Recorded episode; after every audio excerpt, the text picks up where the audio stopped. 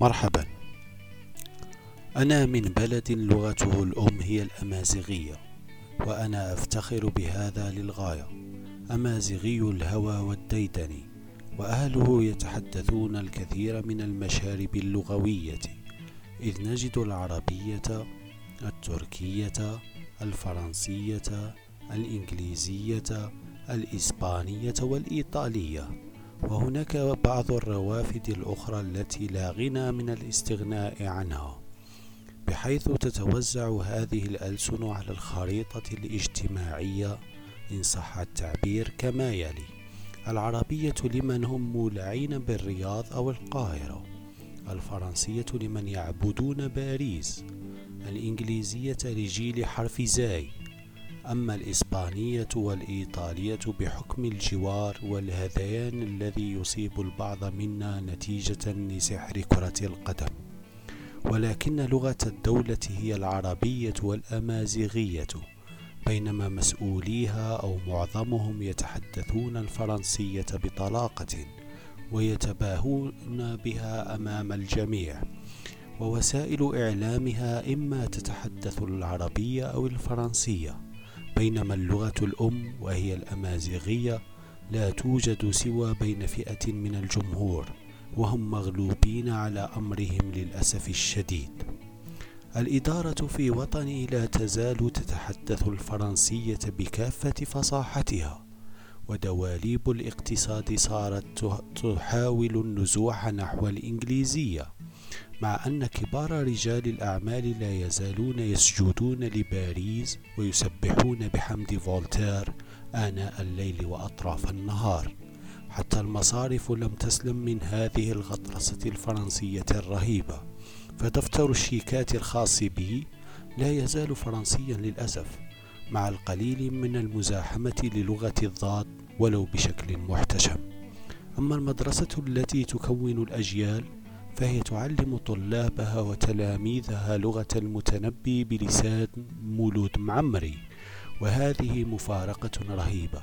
فالمعلم في الابتدائي لا يزال يشرح دروس النحو والصرف وحتى القرائن اللغوية للغة العربية محدثا متعلميه بلسانه العامي المتواضع. بينما يفتخر كل الفخر بلقب أستاذ اللغة العربية للتعليم الابتدائي. وأثناء محاولة الفرنسيين أنفسهم في فرنسا عينها تلقين أولادهم الإنجليزية منذ نعومة أظافرهم فإن موطني لا يزال متمسكا بالفرنسية في المرحلة الابتدائية. ومثله في هذا كمثل ذلك البدوي الذي ظن أن الراديو ما هو إلا شيطانا رجيما وجب لعنه. والجامعة أيضا لم تسلم من هذه الفرنسة التي ترتبط بالعبودية أكثر من ارتباطها بأمر آخر.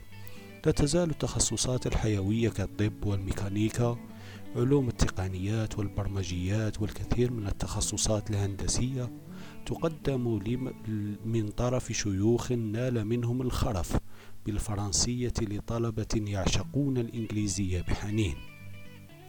قبل أيام زرت إحدى المدارس الابتدائية في موطني.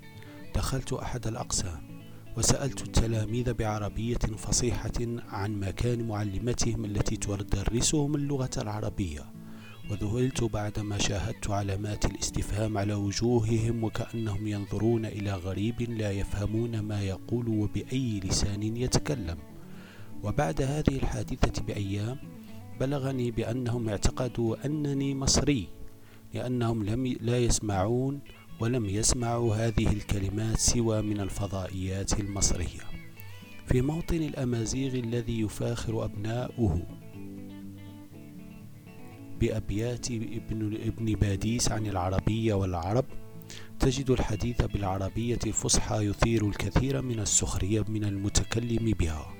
وهذا ما نله مغني الراب عبد سلام الذي يغني بلسان الضاد وهذا ما واجهته أنا شخصيا عندما يسمعني بعض المعلمين للغة العربية في موطني أتحدث بلسان عربي فصيح مع تلاميذي الكرام. بحيث هم يعتبرون بأن اللغة العربية هي للأطفال الصغار فقط الذين يتأثرون بالرسومات المتحركة الناطقة بالعربية وهنا كل العجب. الرسوم المتحركة تنطق بكافة لغات الأرض فلما تلصقونها بالعربية فحسب. يا سادة أنا من موطن يفاخر أهله عند الحديث بالفرنسية ويخافون من المتحدث بالإنجليزية. ويضطربون إلى حد الفوبيا عندما يصادفون شخصا يتحدث بلسان لا يفهمونه ويتهمون المتحدث بالأمازيغية بالخيانة أو العنصرية دون تقديم أي دليل ويحملون شعارات الدفاع عن العربية وهم أول من يسخر من المتحدث بلسان القرآن الكريم وهم أول من يذم ويحتقر الإنسان العربي ويهينه. فمن أنتم يا أبناء موطني؟ من أنتم يا أبناء موطني؟ هل أجيبكم؟ أنتم قراصنة لا لغة لكم لأنكم اعتنقتم الضياع منذ زمن بعيد.